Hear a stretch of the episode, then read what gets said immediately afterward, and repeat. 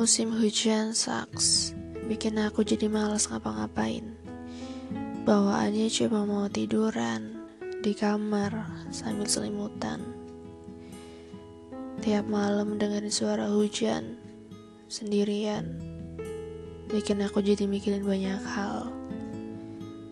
Salah satunya tentang kamu dan dia. Tapi untuk kali ini aku ingin cerita tentang dia. Entah dari mana dia datang ketika aku sedang tidak baik-baik saja. Awalnya aku menolak karena rasa sebelumnya tidak kunjung usai juga. Dengan penuh hati yang terluka, aku memendam rasa. Rasa yang selama ini tak aku kira aku akan rasa. Berjalan dengan sebelah kaki menyusuri jalan penuh duri. Bergelut dengan hati. Apa aku percayakan saja padanya? Dengan iseng aku mencari sebuah jawaban atas pertanyaan. Aku harus bagaimana? Dan pada akhirnya aku mendapatkannya. Selama ini aku takut, takut untuk berbenah ruang, takut untuk menerka terang, hingga pada akhirnya aku menjadi seorang pecundang tanpa mau melihat siapa pun yang datang. Tapi nyatanya, aku menemukan jalan pulang. Terima kasih ya, karena sudah datang. Ternyata nggak selamanya ya orang baru itu buruk. Dan aku menyadari kadang orang baru itu juga bisa menjadi obat penyembuh luka. Tapi tentu bukan untuk pelarian. Setiap orang memiliki pilihan yang berbeda. Mau menerima orang baru itu atau enggak merupakan hak setiap orang. Aku juga awalnya gitu. Setiap ada orang baru nih memperkenalkan dirinya, aku kayak aduh males banget harus kenalan dari awal lagi gitu harus pulang dari awal lagi.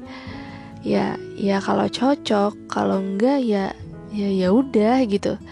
Tapi yang jelas nih kalau emang belum sembuh ya jangan dulu untuk menerima orang baru itu untuk menggantikan yang lama.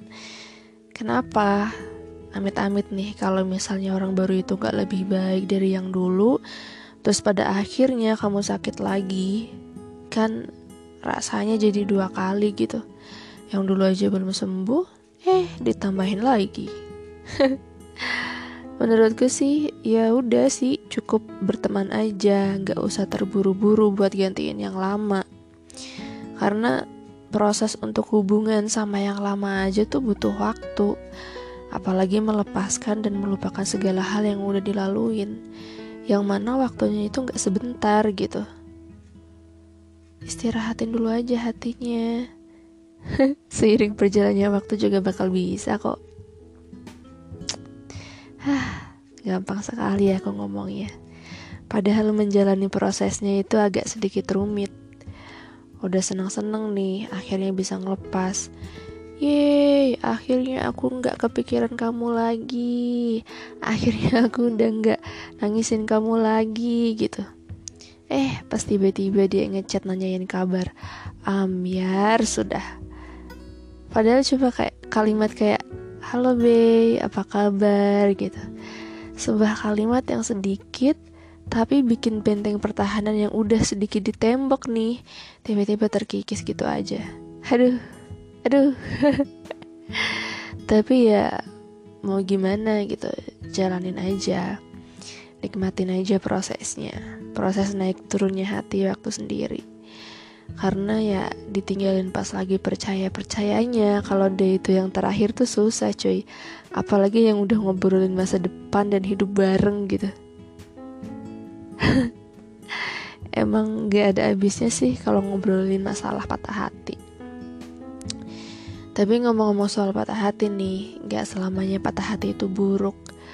Kadang Tuhan mematahkan hati kamu untuk menjadi lebih baik lagi. Dan melepaskan juga gak selamanya buruk. Melepaskan karena berharap dia mendapatkan yang lebih baik misalnya. Mau itu patah hati, mau itu melepaskan, mau itu kehilangan seseorang. Pasti di balik itu semua ada hikmah yang bisa kita petik ada pelajaran yang bisa kita ambil. Jadi, nikmatin aja.